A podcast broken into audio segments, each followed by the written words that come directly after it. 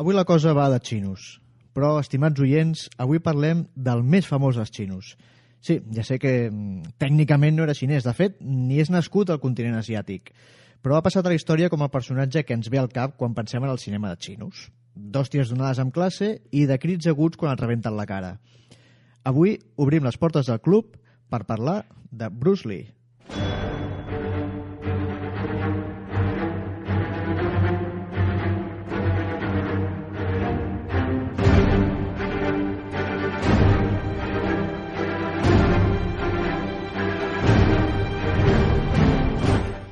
I avui ens acompanya el Fausto Fernández, que podem dir que és el Bruce Lee de les dades cinematogràfiques. És l'IMDB eh, amb xandall groc i ratlles negres. No sé. Eh? Hola, hola, eh? Ha sortit una mica el cordobès al programa de l'Arús. Sí? L'ataque, sí. T'ha quedat mica- més això que Bruce. Kia! Que Ja! Millorarem. Sí. Ja millorarem, sí. I com cada setmana l'Oriol Estrada, el Chuck Norris. De... Va, a- ara el Fausto m'hauria d'arrencar els pèls del pit. Sí, Eh? Ai, pirata. ja t'agradaria. doncs bé, eh, deixem-nos de preàmbuls i comencem el programa.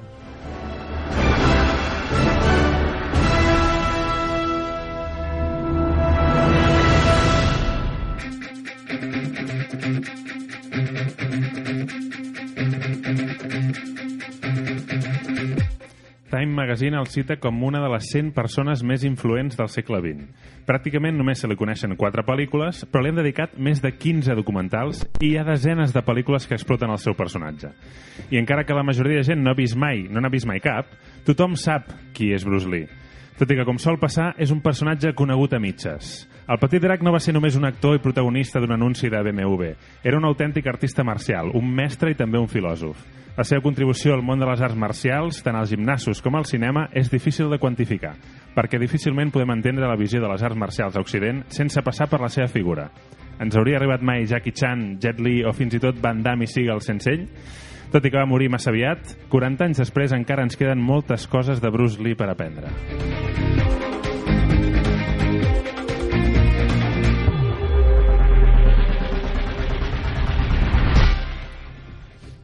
Jo el dubte que tinc amb aquest programa és si amb un programa en tindrem prou Jo crec que no. per parlar de Bruce Lee. Jo crec que no. Jo crec que no, perquè només parlant de la Bruce Bloch... Bruce, Bruce Bloch... Bloch Station! Pum! Amb totes les pel·lis, amb tots els dobles, clones i amics i coneguts del Bruce Lee tindrien ja per omplir dos o tres programes. Que a mi també em fa molta gràcia parlar molt d'ells avui, però bueno, això com veieu. Però primer una cosa, has dit que Bruce Lee està mort. No, Bueno, ja, ja, no sé, ja sé que hi ha sectes Bruce Lee no va morir. que consideren que no, que el tio com, com, com, com Robert Smith, no? que no que van a buscar una, un asil a algun lloc hi ha, no sé si és per Indonèsia o alguna així, gent que adora Bruce Lee com una mena de, de déu Està Arthur així. C. Clarke i Stanley Kubrick. Exactament. Fan pel·lis caseres, són molt divertides. Home, una pel·li de Stanley Kubrick eh, Doncs compte, perquè amb Bruce Lee... Stanley Kubrick era molt fan de les pel·lis del, del Bruce Lee. Era molt fan de El furor del dragón. Sí, sí. No, el, el, el Kubrick tenia uns gustos molt així que la gent que, oh, Kubrick, aquest només veu pel, pel·lis D'arte i ensanyo. Sí. d'arte i ensayo, no? Li agradaven les comèdies xorres i li agradaven les pel·lis d'acció i li agradaven molt Però el furor del dragó. Però és que com no et pot agradar Bruce Lee? És que és impossible. És molt difícil, eh? Fins i tot dir, pel sí. que no és aficionat a la pel·li d'hòsties, No, no. Bruce Lee és un referent. Avui la, la idea és, és parlar...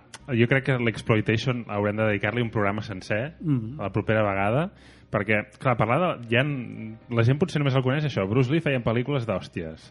Però és que Bruce Lee era, mo, era, era molt més que això. I Bruce Lee havia fet moltes coses abans de, abans de fer pel·lis d'hòsties i fins i tot les seves pel·lis d'hòsties potser tampoc són tan d'hòsties perquè Operació Dragón, que és la seva pel·li Mhm. hollywoodiense, la més canònica, la més, la més popular, no és només una pel·li d'hòsties, és una pel·li d'espionatge, és Sí, una sí, pel·li és- d'acció, és una pel·li de James Bond. Una És pel·li, James Bond. dir, Una sí, pel·li sí, absolutament James Bond. Té un dolent que no desentonaria com a dolent una pel·li Doctor No... és un. Doctor No, el Doctor No també era un fumanxo d'aquests, i bueno, hi ha El furor del dragón, que és una pel·li dirigida pel Bruce Lee, Mhm. que Bueno. tenia molta, tenia molta fusta com a director.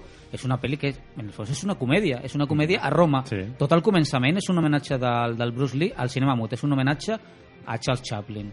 Eh, adorava el cinema mut i el cinema clàssic nord-americà. I veient el furor del dragó, veus, veus hòstia, aquest tio no només sabia dirigir, planificar i coreografiar totes les escenes de- d'acció i de baralles que les feia ell a totes les pel·lis que va fer on va sortir, sinó que tenia molta fusta per això, molta mà esquerra per dirigir actors, per imaginar trames, per imaginar arguments, perquè la pel·li, la pel·li en el fons és, és una comèdia. És molt semblant, El furor del dragón, a, i si no nos enfadamos, la pel·li de, Bat, de Bat Spencer i, i Terence Hill. O sigui, tenen aquests punts en comú que... Mira, Doncs, és anem- molt interessant. Anem a explicar una mica com, diguem, com arribem aquí, al cine, no? O sigui, una mica la, la vida i milagros de, Bi- biografia de Bruce Lee. d'aquest senyor, anem a fer una Que mica de biografia. Que a mi m'interessen més les llegendes urbanes i les biografies inventades que no la biografia of oficial del Bruce Lee. Perquè fins i tot el que, el que és el seu biòpic oficial auspiciat i, Sí, amb, sí. ja amb la benedicció de la seva vídua tal, que és Dragon, la vida de Bruce Lee, és una pel·li de ciència-ficció, és una pel·li fantàstica. Sí. És una pel·li que no et pots creure mai. No, i està ple de coses que són mai de la totalment vida. incorrectes i que no van passar mai. I Doncs que... per això, per això m'interessa aquesta vessant del Bruce Lee inventat, del Bruce Lee, això de que igual no està mort, de si el Bruce Lee el van matar una secta, si va morir follant i ja empurrat fins a les celles. O sigui, aquestes són les coses que a mi m'interessen del Bruce Lee.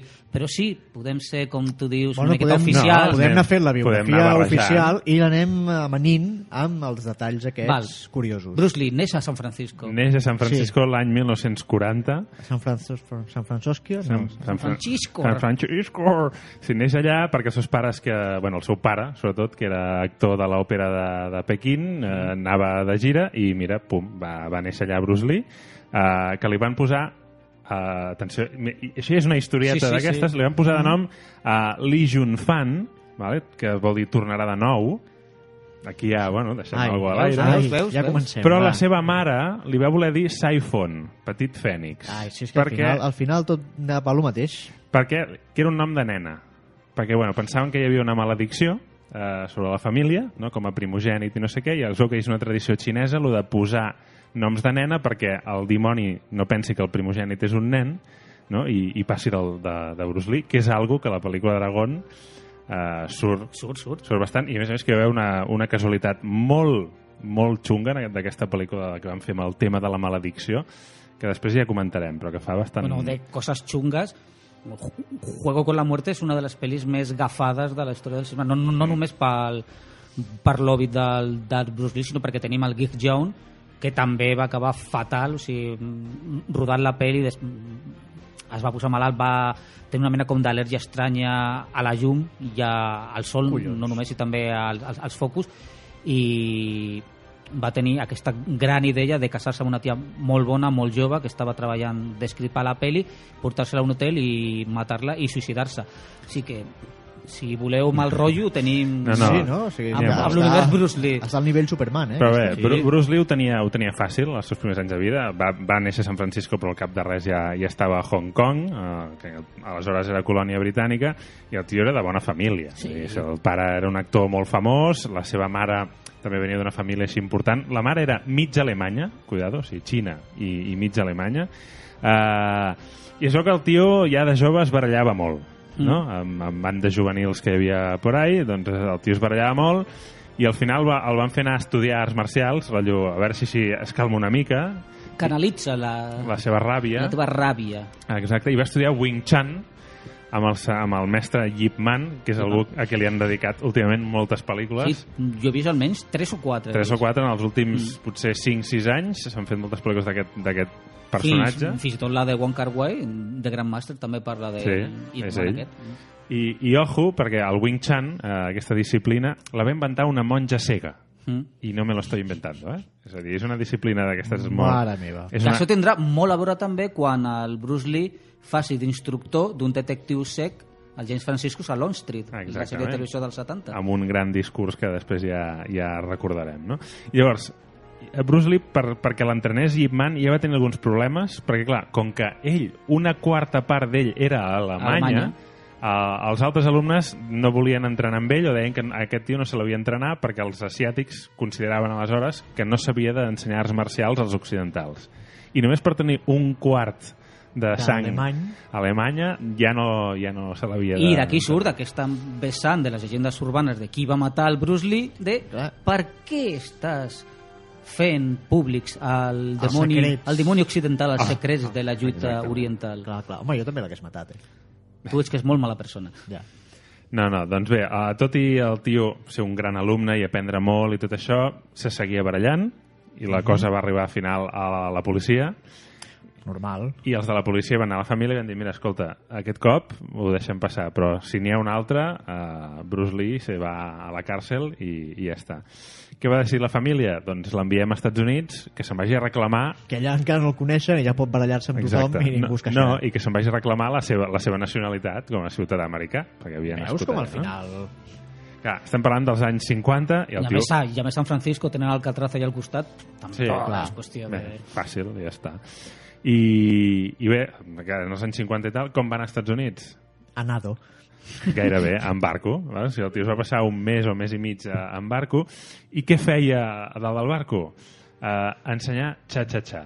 Sí, va Va, ser un mira. gran ballarí. Un gran ballarí. Tenim, no sé si també has localitzat aquests packs guais que et compres a Xina, les petites pel·lis on surt fent de ballarí el, el, el Bruce Lee que dius, ostres, Sí, perquè és veritat, això no ho no, hem no, comentat. no, no m'estranya que el volguessin posar nom de dona a, a Bruce Lee. Clar, Bruce, com balla. Bruce Lee, de fet, ja va sortir sent gairebé un bebè en una pel·lícula xinesa, és a dir, es coneixen sobretot quatre pel·lícules de Bruce Lee, però ell ja de, amb 10-12 anys ja, ja feia, va fer 4 o 5 pel·lícules a, a Hong Kong. Però és un tema molt relacionat perquè Van Damme també ballava, no? Sí. Sí, bueno, és que, és que hi ha, hi Ja, ha no, molt... no, per això vull dir, el tema de No sabem si Bruce Lee va fer porn gay, però Però bé, podria sí. ser. podria ser. Una altra Podria llegenda ser. urbana, apunta. No, i si et mires, la, és curiós perquè si et mires les, les pel·lis de quan era petit, alguna, algun dels gestos que- famosos Ja de posar-se el dit al nas i de, de les cares que posava, ja les feia. O sigui que deien que era un tio que havia... allò que t'ho portava dins, no? Ja, això de la de la- de l'actuació.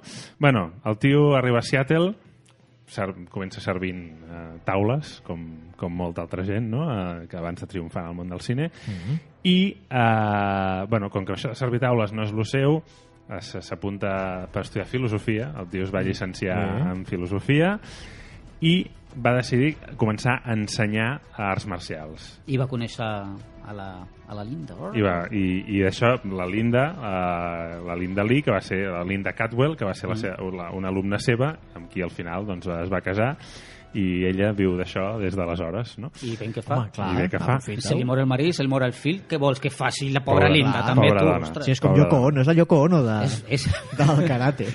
Però bé, les arts marcials. no, s'ha de dir que si, si, els, eh, si els asiàtics ja els posaven nerviosos que algú ensenyés a Bruce Lee arts marcials, que Bruce Lee ensenyés arts marcials i que el seu primer alumne fos negre, Un negre. Ui, aquí no, sí, al final el del Fausto és que és veritat, que el van matar per això. Va, doncs el tio només tenia 18 anys i donava classes a tot de gent que eren tots més grans que ells. No és conya, Edgar Hoover va investigar a Bruce Lee. Bueno. No, això sí que està comprovat, sí, sí.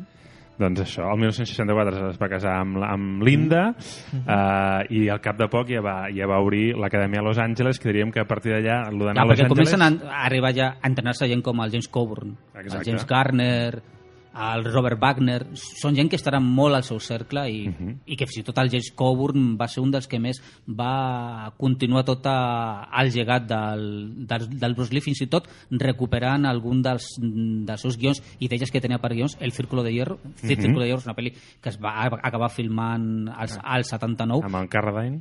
amb David Carradine, que també està molt lligat perquè li va robar el Li va paper robar a Kung Kung Fu. Fu. I Bueno, també va morir de forma eh, També. sospitosament Però aquella estranya. està, sembla que està més clara. Sí, està més clara, però déu-n'hi-do.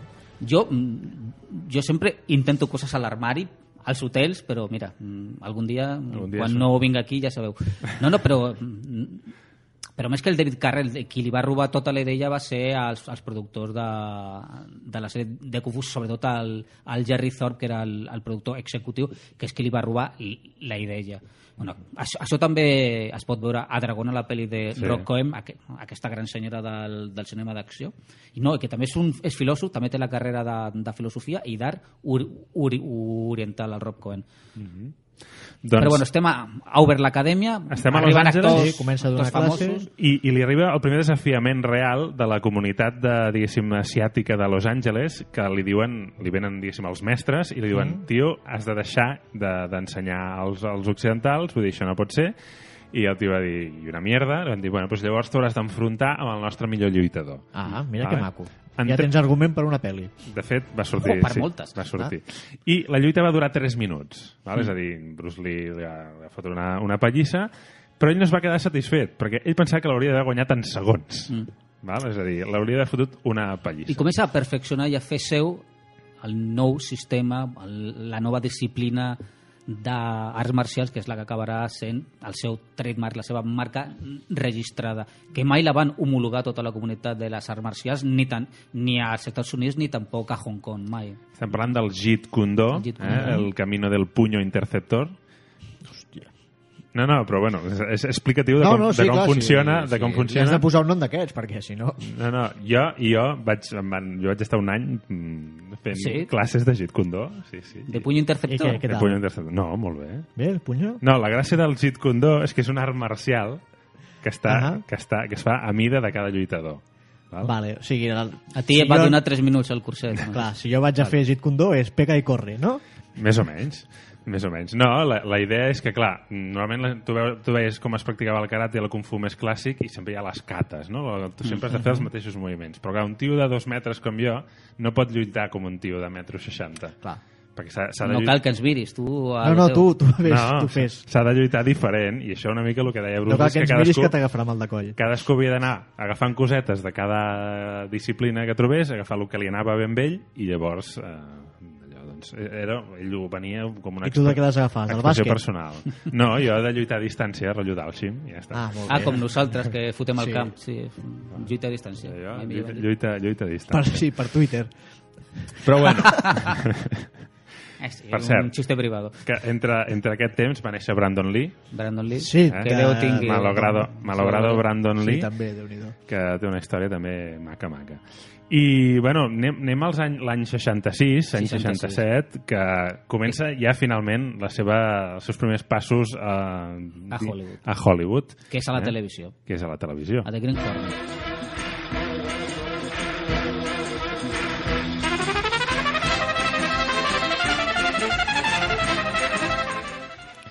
Quina gran sintonia, eh? Gran sintonia, que alguns sentirà, ah, Kill Bill, no? No, amor. Kill Bill és un continu homenatge a Bruce Lee, per si algú no ho sabia. I Està ple de referències per tot arreu.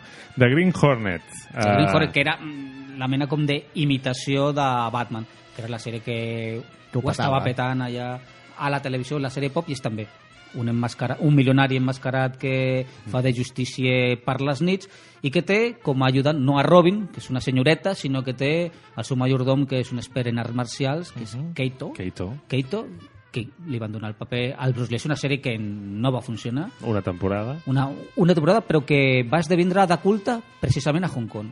Sí, és a dir, quan, quan anys després Hollywood se'n va a Hong Kong i diu, mira, com que aquí no, no m'estic menjant res per ara, me'n vaig allà, resulta que el tio era super famós. O sigui, Era la sèrie de Keito, El no era de el- clar, Hornet. allà van vendre, sí. El show de Keito, i a veure, tu mires la sèrie, home... eh, És Keito. És que és el seu show, És no? que I- qui era qui feia de Green Hornet, el personatge? eh, Mira, no sé, ara no, No, me'n recordo, no, no, ni, és que ni m'ho he apuntat, eh? Ningú se'n recorda, no, no. No, de fet, tot i que va sortir després en algun, algunes històries que va fer... Sí, bueno, no només l'altra sèrie de- ja de televisió que és el 70 70, 72 que és Lonsted però havia Mm. fet un paperet a Marlowe detective privado perquè el James Garner que era el protagonista li va recomanar i té aquella mítica escena en què l'està ja borrejant una miqueta i vacilant a Marlowe fent-li tonteries allà dalt d'una terrassa Mhm. i fa un saltet i bueno, no expliquem per si algú no ha vist Marlowe, detective muy privado Muy privado. i veurem què li passa a Bruce Lee fent això, les seves xulades de Kung Fu. Per cert, que, que ella va començar malament, perquè ell va fer el, el càsting de, de Green Hornet abans de que s'estrenés Batman, eh, però llavors van dir, mira, és que farem Batman primer, vale? i després, si de cas, si funciona, Si funciona, fem de Green i Hornet. farem de Green Hornet, i, de fet, un dels mítics episodis de Batman o Green Hornet és el crossover, perquè es van, es van trobar, i es veu que hi havia pique, Al mateix canal. hi havia molt de pique perquè el Burt, el Bart Ward, Burt el, Ward, el Robin, Robin. era cinturó negre de, de karate i es veu que hi havia Que no una... sembla?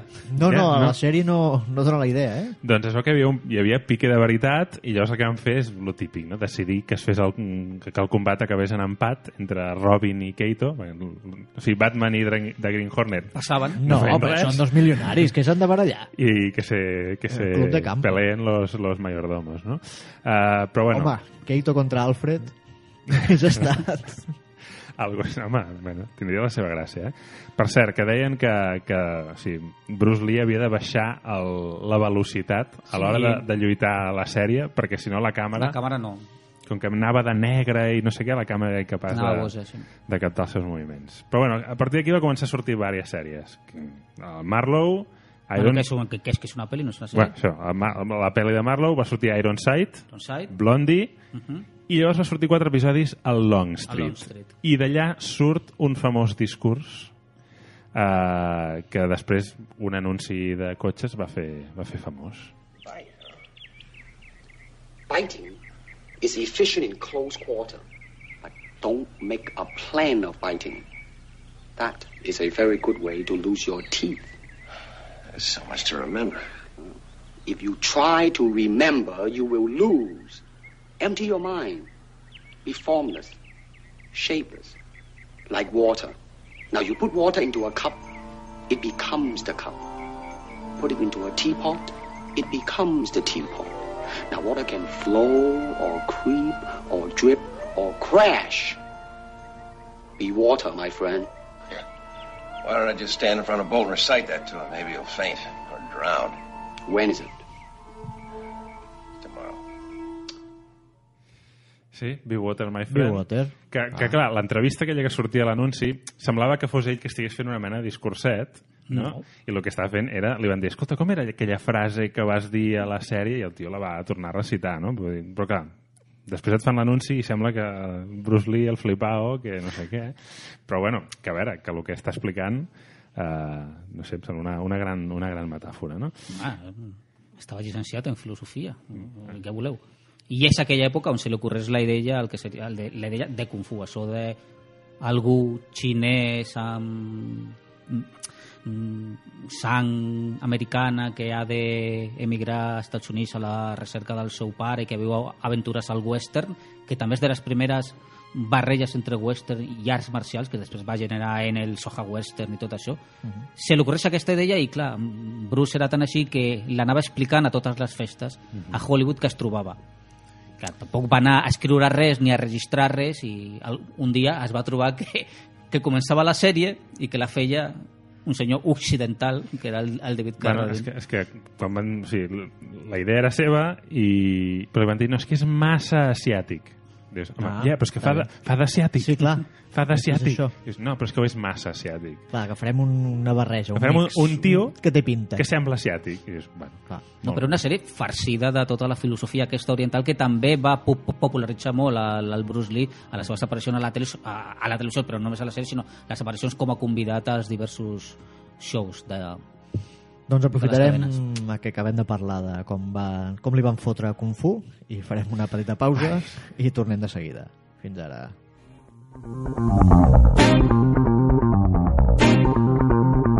Estàs escoltant Ràdio Ateneu del Clot.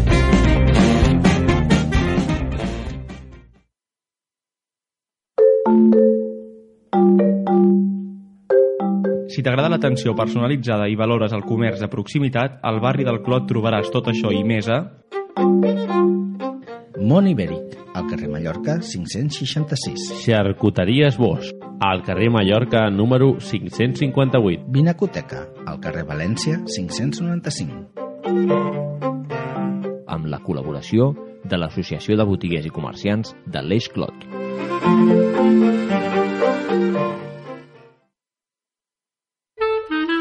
Hosti, Toni, et queda molt bé aquesta boina. Doncs me la vaig comprar junt amb aquests mocassins a una botiga de complementos. A on dius que te la vas comprar? Al Clot tenim botigues de complements. Albert Torres Artesanies, al carrer Rogent 21.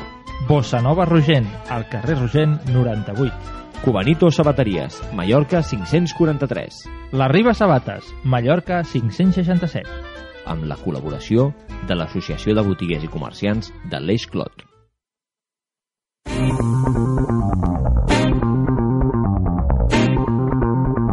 Estàs escoltant Ràdio Ateneu del Clot.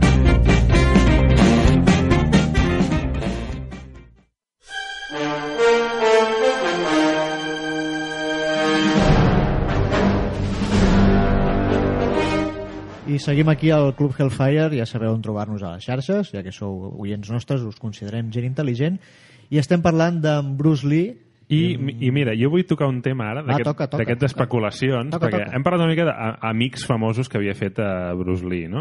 Uh, James Coburn, Steve McQueen, Lee Marvin, Karim Abdul-Jabbar, Abdul-Jabbar, que va sortir és- més a més en una de les de les seves pel·lícules, pel·lícules, i Roman Polanski. I aquí tenim la connexió Charles Manson. Ah, Exactament. Quina relació hi ha o hi, va, hi podria haver hagut entre Charles Manson i Bruce Lee? Doncs que, que era amic de Roman Polanski i Bruce Lee es- estava convidat a la festa famosa de Sharon Tate, la dona Roman Polanski, que va acabar amb la gran massacre de la família Manson. Uh, però Bruce Lee aquell dia no es trobava bé i va dir, mira, em quedo a casa. ben fet, tu. Clar, llavors, sempre la gent es pregunta, no? I què hauria passat si Bruce Lee hagués estat a la festa? Doncs, eh, Clar, hauria tres pogut- minuts, no, menys. No, Hauria, hauria pogut canviar alguna La història de- d'horror americana? no ho sabem. En fi, aquí ho deixem. Uh, el, uh, entrem ja al tema de les pel·lícules, Anem, perquè anem, si no... Si tenim de ja a pel·lícules perquè està, si no, malament, eh? està molt cremat ja perquè, ni, perquè no li foten cas. A, Exacte. a, han als fotut Estats Units encara que li funciona molt bé la seva acadèmia, que té els alumnes famosos i tal, molts continuaran sent amics seus, a, inclús Fins al final, fins final. al final, final, final. Algun que d'altre no. I tenim el Bruce això que un dia rep una oferta per a anar a Hong Kong, on és quan llavors s'assabenta de que, bueno, que és una autèntica estrella absoluta de la televisió i és una icona. Sí, sí, el show de Keito allà ho havia patat, ell no ho sabia, perquè I clar, no hi havia i- internet. I coincideix, sí, no havia internet i no havia de buscar programes a les xarxes. Però ar arriba allà i la primera oferta que rep és de la productora més gran de, de Hong Kong, que és la dels Show Brothers. Però clar, aquests volien Fer tenir un tema clàssic. Volien tenir a a Bruce Lee com, doncs, com tenia tota la gent treballant, com un esclau. Sí, el, el actor d'aquells de- del- de- d'estudi Sí. que, No. que fes el que... Però lo de quan dius actor d'estudi és que havien de viure a l'estudi. Mhm. o sigui, viure a l'estudi i estar treballant en 5 o 6 o 7 pel·lícules a la vegada i totes les coses que està. I el Bruce Lee passa. I llavors venen els competidors directes del Show Brothers, que aquí n'hi ha una altra d'aquestes línies conspiranoiques sobre l'amor del Bruce Lee, és que els Show Brothers mai van perdonar que el Bruce Lee anés a la competència, que era el, Raymond Chow, que era Raymond la Chow, Golden, Harvest, Harvest. que anés allà a fer pel·lícules. Mai van perdonar això perquè, clar, va ser l'època en què les pel·lis dels Show Brothers van, no van fer un calé, no van fer un duro, arreu, ni tan sols a Hong Kong, i en canvi, la Golden Harvest, que sí, tenia pel·lículetes, però que era la, se, era la segundona a Hong Kong, ho peta, ho peta ho peta, Bruce Lee. ho peta, i és quan fa, gairebé les fa seguides les dues primeres pel·lis, que és Karate Mort en Bangkok i Furia Oriental, Mhm. són pel·lis, bueno, que no només a Hong Kong, són, són, són les primeres pel·lis mm, d'arts marcials mm, gairebé i xineses que s'estrenen arreu, sobretot que s'estrenen a Espanya i, i són les que van fent créixer el fenomen aquest del cinema de xinos, no el Mhm. cinema d'arts marcials, el cinema de xinos. A mi sempre m'ha fet molta gràcia la, la, la primera que va fer, no? 1971. The Big Boss, que és un dels seus títols internacionals, però Karate a muerte en, En Bangkok. Això, és, això és el distribuïdor, el distribuïdor, el distribuïdor espanyol. O sigui, és que eren genis. I si, si veus el tràiler de l'època, el tràiler és absolutament fascinant. Perquè te- t'estan venent una pel·li que no és. Ja començant per aquí. Bueno, l'altre dia, si mirant cartells antics, em vas trobar també el cartell d'una pel·li del Sony Chiba. És, és, és, és espanyol i estava dibuixat com si no fos xinès. Bé, el Però meravellós món de... Karate Muerte en, en Bangkok, que En Bangkok. és una pel·li mm, com... Tampoc és que sigui uh, que diguis, oh, la, és la, la gran meravella, la pel·li que va revolucionar les, les marcials. No, les marcials no, era una pel·li igual a les 40.000 que s'estaven fent a Hong Kong i que s'havien fet a Hong Kong. És exactament l'argument arquetípic de... Bueno, sí, arriba allà, dojos enfrontats i tot això. Però, clar, tenia un personatge i tenia... El Bruce Lee tenia això, el seu estil i el Bruce Lee mm, va des del començament va dir que totes les escenes d'acció les coreografiava ell i les inventava ell i si si ell- de dirigir les dirigia ell. I ell ensenyava també com s'havia de posar la càmera. Com s'havia de posar dir, la càmera, sí, sí. No, no, no, o sigui, de fet, el Low Way, que va ser el director que va dirigir... era un senyor ja que Sí, passava molt. el tio veu que era rotllo, es posava a escoltar, la, vulguis es posava ja a escoltar la ràdio. Ensenia un pur i es posava allí, bueno, Bruce, tu a lo tuyo. I, I de fet diuen que hi ha, hi ha tu si veus ara la pel·li hi ha alguns moments una mica ridículs com quan fot un tio que, que travessa una paret de fusta i que queda la silueta del tio, sí. rotllo Looney Tunes que diu, això, això Bruce Lee no va ser cosa seva, va ser cosa de, de, de Lowey saps? i fins i tot una imatge icònica de la pel·lícula que és la patada voladora al final Mm. entre el, el, el, el malo i Bruce Lee això també, ell, Bruce Lee no ho veia creïble, o sigui, això no, no pot ser això, no? però bueno, va acabar Bueno, i, com a aspecte de show, pues queda Exacte, i es va convertir això, no? Doncs en algo fantàstic. A l'estrena d'aquesta pel·lícula, mm, que la gent a Hong Kong és, era al cine de molt de cridar, no? Mm. I, ah, no sé què. I Com aquí. Sí. I, I llavors es veu que Bruce Lee i la seva dona estaven allà cagats de por perquè ningú deia res. No? O sigui, la gent estava totalment callada. I llavors va ser acabar la pel·lícula I l'esclat. i... Uah, clar, va ser una pel·li amb poc pressupost i, i que va ser, bueno, va fer rècord de, de taquilla superant Sonrises i Làgrimes i Tora, Tora, Tora eh? i allà comencen les supersticions perquè van gravar l'última escena davant d'un mausoleu Que no es podia gravar allà. i gravar en llocs així relacionats amb la mort eh, deien que portava mala sort i potser era veritat l'any següent Fúria Oriental Mm. o Fist of Fury Que... Això és Fury, que també... Que, és- que, és, que si la veus també és una pel·lícula com, com molt política. És una pel·lícula molt... Però, però molt. Ataca, ataca moltíssim, moltíssim als japonesos, a la Xina, i és una pel·lícula que no té final feliç. No, no, i a més, i aquí hi ha tot el discurs de, de Bruce Lee de, del tema de, de la marginació per, per Mhm. motius de raça. De fet, hi ha l'escena aquesta famosa del cartell que hi havia davant d'un Mhm. parc de que en un parc posava no, prohibit els gossos i els xinesos. Això és Xangai. Mhm. O sigui, clar, i el Sí, tio sí. hi ha una escena en què el tio rebenta el cartell i la gent l'amaga Mhm. perquè se'n vagi allò i tal, no? Però aquí sí que és la, hi ha les famo, la famosa escena del dojo japonès, que en Bruce Lee mm, fotent-se d'hòsties amb 40 tios i apareix el nunchaku per primera vegada. per primera vegada. Tot i que Bruce Lee deia que això era una xuminada, Una mariconada, sí.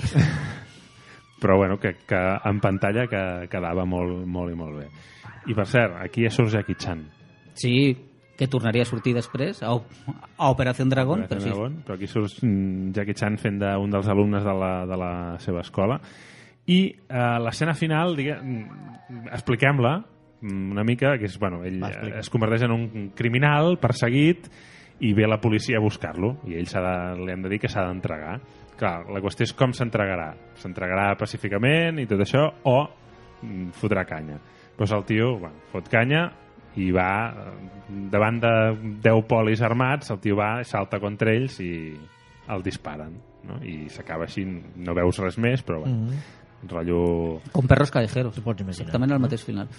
I, bueno, diguem que aquest final després es va aprofitar en una altra pel·lícula, però ja hi arribarem, perquè el mateix any eh, Bruce Lee diu que l'Oway, eh, que Raymond Chow es foti l'Oway pel cul, Güey, tu no sabes? tu no tens ni puta idea, i, i va, fer, va fer la seva pel·lícula, no? Que és, eh, El furor del dragón. El furor del dragón, The Way of the Dragon, que, Que la va rodar a Roma. Va anar a Roma.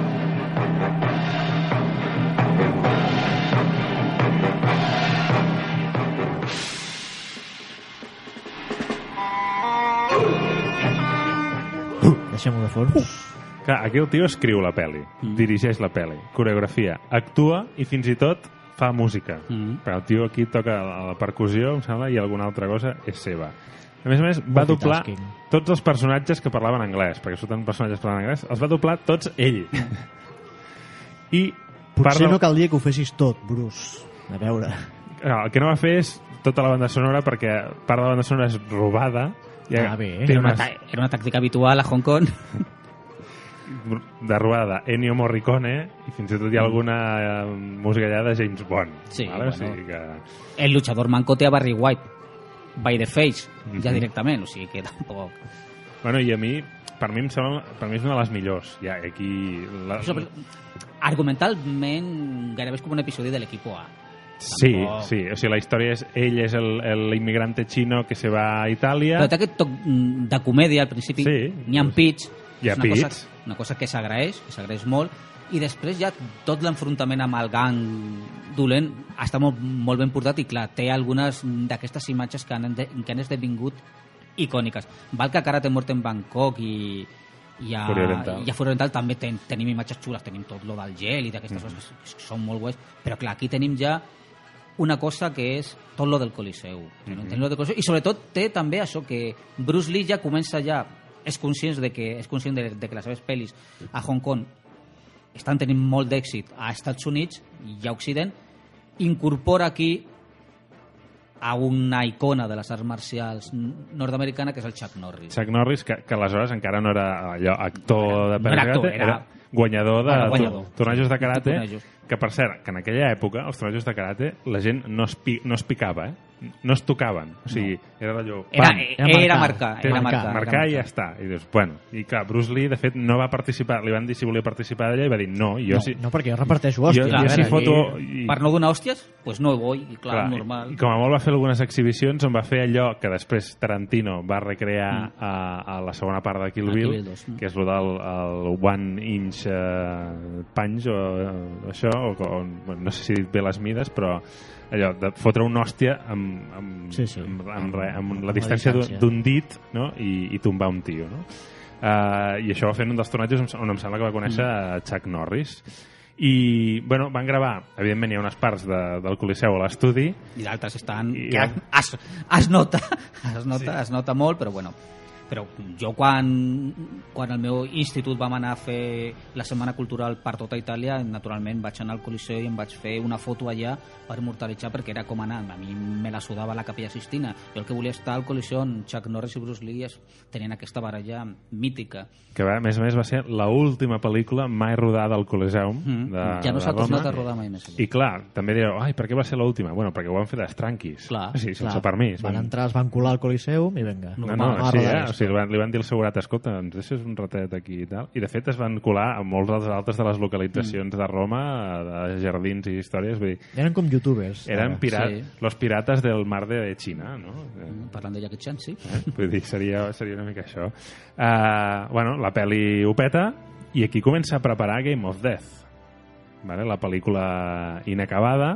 Uh, Que era un, Era el seu gran projecte. Era el seu gran projecte. Com a argument, al primer guió i al primer esbós d'ar- d'argument també del, del Bruce Lee, és una pel·lícula important. És una pel·lícula important perquè mantenint tots els seus ítems i, i d'estil i tot el que és una pel·lícula que aportava una... que obria una, una nova via dintre del, del cinema d'art marcial perquè en el fons és una pel·lícula que era un thriller era un thriller i comença a preparar-ho, però clar, mentre ho, està preparant, arriba la gran, la gran proposta de Hollywood del, del Jerry Weintraub, el, el productor de la Warner, que volia, sí o sí, tenir a, a Bruce Lee com a estrella a, una, a la primera pel·lícula oficial d'art- d'arts marcials de Hollywood. Mm. Que és una pel·lícula que també va tenir un procés molt, molt llarg i molt tortuós dels actors que havien de participar, perquè clar, en principi Steve McQueen, James Cameron, tota aquesta gent volia sortir a Operació Dragon, Enter the Dragon o Enter the Dragon en els, Enter the Dragon. a, sí. en els DVDs de,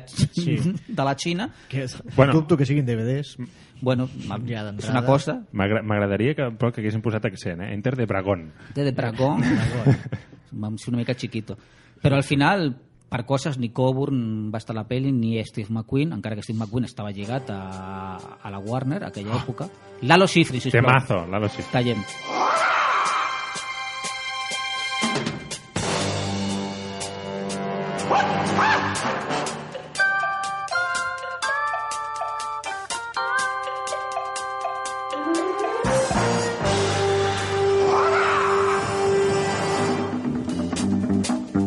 Callem. Operació Dragon. Vaig coincidir com a jurat a, Sitges amb el John Saxon i clar, totes les converses anaven per al, per al tema Home. Operació Dragon. Va dir, bueno, Només John. Saxon I Pesadilla en el Mestrit, no? i Virus, de l'Antonio Margheriti, produïda per José Frade, també. Sí. No, Però no. bueno. A veure, aquí, clar, Enter the Dragon, uh, Bruce Lee és l'estrella, i és evident. Però, com encara jo crec que passa avui en dia a Hollywood, que un asiàtic sigui la única L'única estrella estrella, d'una pel·lícula és impossible. I llavors és quan li van fotre al negro, Jim Kelly, que tampoc, parlem, tampoc són actors estrelles. Ni No, no, no. Jock Saxon era I una John estrella, ni Jim Kelly era tampoc una era que Jim Kelly era hiper mega popular Mhm. pero tampoco son pero bueno, pero ya tenían eso de tenemos el blanco, El eh, negro el, negro y y el el- amarillo. y el Es amarillo. el título spaghetti western també molt divertit, el blanco, l'amarillo i el negro. Sí, No, no, doncs... amb doncs... Tomàs Merien fent de cine. Però bé, bàsicament, Bruce Lee aquí és la, la mega estrella, que és, és el James Bond de la pel·lícula, Mhm. que bàsicament s'ha d'infiltrar en un torneig d'arts marcials i, i carregar-se a Han, no? a veure què, què collons està passant, i donar-nos un, també una sèrie de- d'escenes ja icòniques, eh, com la de l'habitació dels miralls... I Eh... també ha sortit a la dama de Xangai de l'Orson Welles, però clar, a qui li importa Orson Welles? Exacte, quan tens Bruce Tenim a Bruce Lee aquí No amb la sala dels, dels. I això és una pel·li de James Bond. Mhm. És una pel·li absoluta i totalment de James Bond i on no només està per ja el Jackie Chan una altra vegada, que el Sí. deixen inconscient, sinó que està Bolo Yeun. Sí. Està Bolo Yeun, que també és un altre d'aquests noms mítics. De... I- i el Sammo Hung. I, i Sammo Hung, dels mítics més mítics de la producció de Hong Kong del cinema de karate. De fet, a la lluita de la cova, aquesta on surt Jackie Chan, eh, que es carrega 50 paios, 50, Bruce Lee, 50, sí, sí. 50 paios, doncs es veu que amb el pal li va fotre una hòstia De a, a Jackie Chan de veritat i, clar, Bruce Lee va dir, mira, mm, demanar-li perdó, a partir d'ara sortiràs a totes les pel·lícules que faci. I, és clar, era la última que va fer.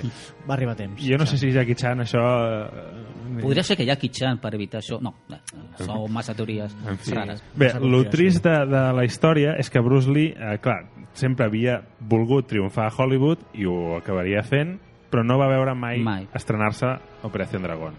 Vale? O sigui, mai va poder veure doncs, l'èxit l'èxit que... Sí, perquè en, quan encara s'estava muntant o Operació Dragón i ja s'havia començat el rodatge de Game of Death, de Juego con la Muerte, és quan passa tot. I a més, és una, és una etapa on Bruce Lee estava hiper mega actiu, perquè estava fent 40.000 coses a la vegada, acabant, acabant de doblar la pel·li a l'anglès, començant a rodar Game of Death, tenia també altres business, estava, i bueno, és quan mor. I, bueno, I com molts mites, com James Dean, per exemple, que és amb qui sempre se l'ha comparat, encara que James Dean mai va ser un bon actor i Bruce Lee sí, doncs són actors que mai van, això, van veure i van viure l'èxit a, on ells volien, que és a Hollywood, a la meca del cinema. Quina xorrada això de meca del cinema, però bueno, això, això sempre Bueno, sí. Doncs 17 de juliol de 1973, vale? el tio era a casa d'una actriu, eh, parlant de Game of Death, eh, la- l'actriu es deia Betty Ting Pei, Betty Timpey, que després s'interpretaria a si mateixa a biòpics falsos del, del Bruce Lee, amb Bruce Lee, L i llatina, i sobretot a un, que és Bruce and Me, Bruce and I, on es passa tota l'estona Betty Timpey mm, cardant a un llit i la imatge que es dona del, del Bruce Lee és la d'un senyor completament pirat, mm, drogat i tal. És, és una pel·li de la Show Brothers, Mhm. o sigui que tampoc... ja, ja veiem per on va... Sí. però no, però tema, eh? va viure del conte moltes vegades perquè va estar també a Dragon Story que també amb el, amb- amb el Bruce Lee que és diguem-ne que el biòpic oficial del Bruce Lee quan feia tres dies que l'havien enterrat Sí, sí, sí. Bueno, de fet, de, o sigui, fins i tot... si és que l'havien enterrat El, això, a saber. Van ficar un taüt. Doncs bé, era, que, eh, Era casa d'ella, sí. Era casa d'ella, tenia, li va agafar mal de cap, li van donar unes pastilles, es van estirar i no va despertar.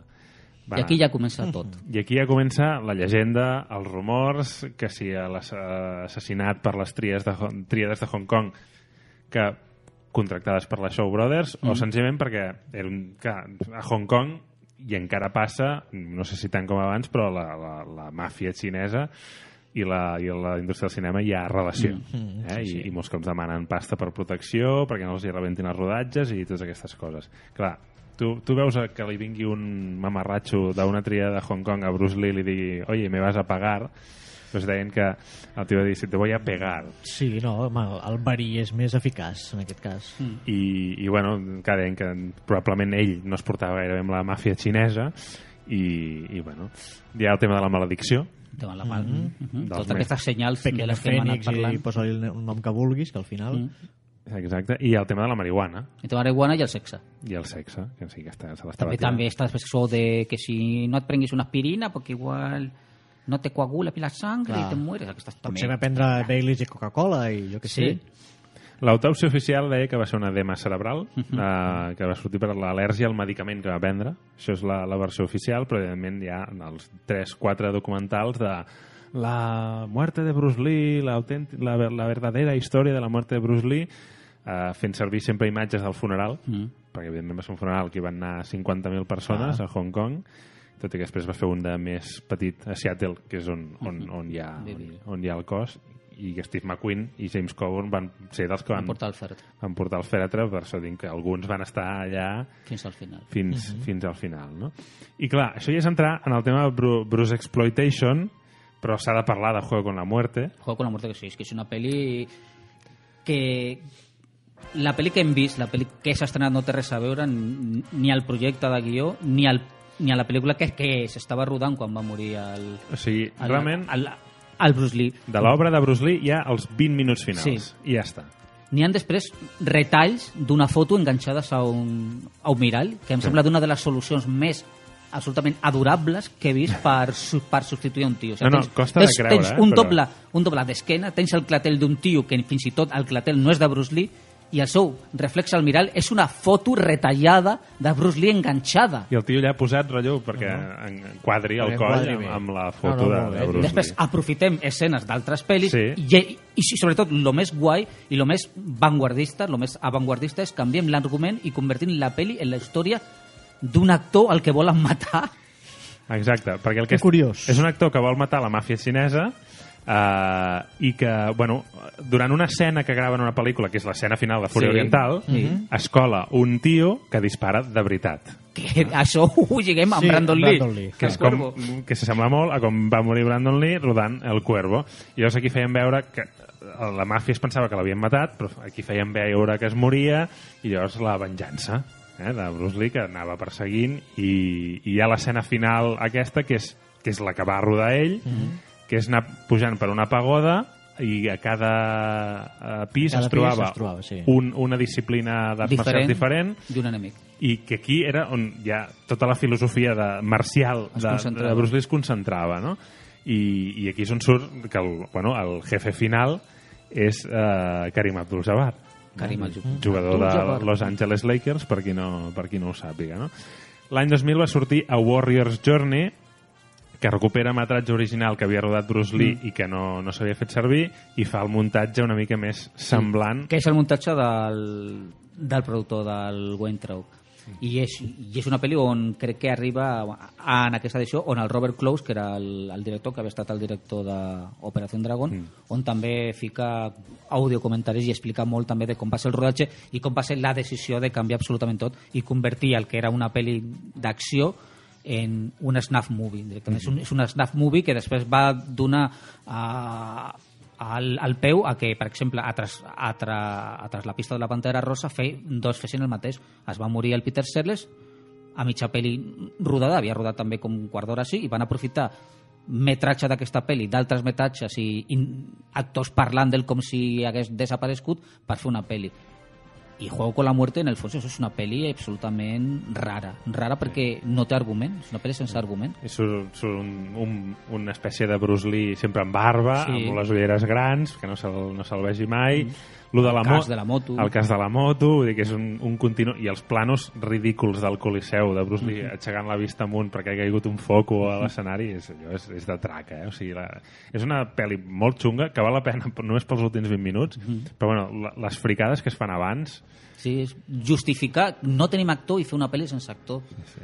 Això ho, ho feia Led Wood amb el Bela Lugosi a Blind Sí. Night from Outer Space, però clar, que ho faci una major deu ser la primera vegada. Doncs Bruce Exploitation ja hardcore, com pel·lis com Bruce Lee vuelve de la tumba o le llamaven Bruce, això ja en parlarem, Sí, vale? en un altre Ho programa. deixem perquè tenim però, moltes perles. Però un minut per la pel·li biogràfica de, de, de Bruce Lee, eh, 1993, amb Jason Scott Lee, Mm. que no, No, era un artista marcial i no, tenia, no era familiar, sinó que el tio era ballarí. Mm. Eh? Aquí tornem a agafar el tema. Xa, xa, xa. I sí, és molt fidel en algunes coses i en d'altres no tant. Surt un dimoni. Surt un dimoni. Clar, és, és el dimoni d'aquesta maledicció sí. que esperava la família de, de Bruce Lee, no? Mm. I hi ha un moment en què bueno, Bruce Lee està lluitant contra el dimoni i el dimoni passa de Bruce Lee i comença a perseguir a Brandon Lee. Val? Rotllo, bueno, pues paso del padre, me voy para el hijo. I dius, clar, això ho van fer perquè s'havia mort a, a Brandon Lee. Mm. No. En, encara no. Ah, amigo. Not now. Sí, encara no. És a dir, va- van, no sé per què van prendre aquesta decisió de fer que el dimoni perseguís el fill de I Bruce va Lee. ser premonitori. I va ser Mm. totalment premonitori perquè aquell mateix any, al cap de potser mesos, Mesos, mesos. eh, doncs passava lo del Cuervo i, i es moria Brandon Lee. Brandon Lee eh, d'una manera tan profètica en dues pel·lícules, no? A Juego con la muerte i, Sí, a, sí. i a la biografia de... Traient aquesta cosa, la peli, fu, la peli de Rock Cohen funciona molt bé. Sí. Lauren Holly està molt, està molt, molt, molt maca a la peli i Jason Scott Lee ho fa molt bé.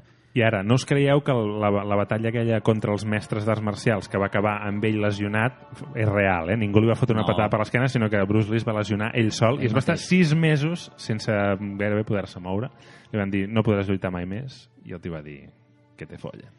Doncs amb aquesta gran frase...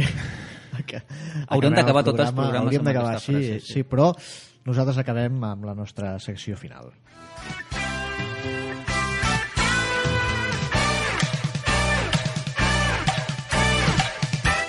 Com cada setmana, el todo lo que mola, todo lo que jode.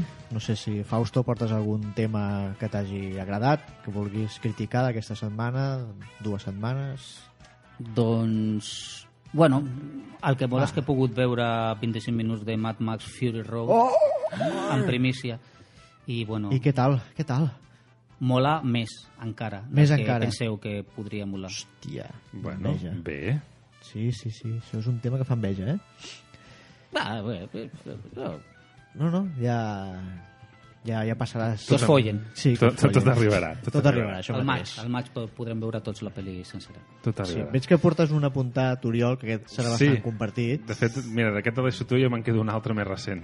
Sí, doncs va, endavant. Uh, bueno, doncs mm, fa dos dies va morir Yoshihiro Tatsumi. Mm. Sí. Mm, Qui no sàpiga qui és Yoshihiro Tatsumi, muy mal. Uh, autor de manga... El vam, Jo almenys el vaig descobrir al Víbora, a les historietes del Víbora. Exactament. Va ser un dels primers uh, dibuixants de manga que es van publicar a l'estat espanyol, quan encara no es parlava de manga. I del primer que va tindre portada al Víbora. Sí, el número 58, 58. que tinc Sí, jo, senyor. i després li van fer el recopilatori, El vermell. van fer el recopilatori de, de que, que triste és la vida Sí. i altres històries. Uh, però aquí, en els últims anys s'havia fet molt famós per Una vida errante, que és aquesta Mhm. autobiografia que va escriure durant 11 anys i on explica com ell i altra gent Gairebé com Boyhood, eh, aquí. Sí, sí. Ai. Passa que a posteriori eh, ho va fer. I explica la creació del Gekiga, que és una mica el manga per adults, no entès el manga pornogràfic, tot i que sí que hi havia certa pornografia, però sinó el manga per, per públic madur i que després seria el seinen que coneixem avui en dia. No? Vull dir que sí, Osamu Tezuka és el dios del manga i tot Mhm. això, però aquest tio va fer que el manga evolucionés d'una manera eh, doncs, que passés de ser una cosa només per nens a ser per, per tots els Per tots els públics, públics, no? clar. sobretot per gent gran i és una pena perquè aquest tio era història del manga vivent però que portava molts anys lluitant contra el càncer i mira, 79 anys eh, li diem adeu Doncs sí. un todo lo que jode Bueno, va, fem un tot el que mola per compensar una miqueta. Vinga. Home, heu vist ja la tornada d'Agents of S.H.I.E.L.D.? Sí. Sí. Ah, veig, veig, veig que estem tots d'acord, Sí, que, que home. mola força. home i tant Doncs res, això, tu, destacar aquesta tornada. Mm. I també valorar els vuit episodis de d'Agent Agent Carter, Carter, sí, sens dubte que ha estat una sorpresa perquè jo crec que ningú s'esperava que tingués aquesta, Aquest nivell, sí. aquesta qualitat i aquesta consistència de, de, com a minissèrie o sigui, ha estat espectacular bueno, doncs això, ha tornat Agents of S.H.I.E.L.D. amb noves interaccions entre personatges. Amb gent de color blau. gent de color blau, sí. Gent llangardaxa. Sí, bueno, amb punxes. Amb punxes, Amb punxes. sí, sí. No, no, té molt, té molt bona pinta, la veritat. I, i des d'aquí sempre hem defensat els nassos que ha tingut Marvel en presentar sí, sí, els inhumanos. els Inhumanos a la sèrie de televisió amb un Mm. parell i acabem amb el Todo lo que jode, El que jode compartit. oblig- i obligat, obligat que és la, bé, la mort de Leonard Nimoy. És que estem de pega eh, aquestes setmanes vull dir, no. Bé. No, eh, molt males notícies. mm, és que és això Vull dir, hem tingut mala sort. Ha marxat senyor Spock. Senyor Spock, el senyor William Bell. Senyor William Bell també. Mm. The Fringe. i si voleu deixem aquí acabem amb aquesta música. Sí, i ho matem matem vale? doncs moltes gràcies Fausto per haver A vingut vosaltres, com sempre. i amb aquesta música Que les ens follen. n'anem, que us follen fins la setmana que ve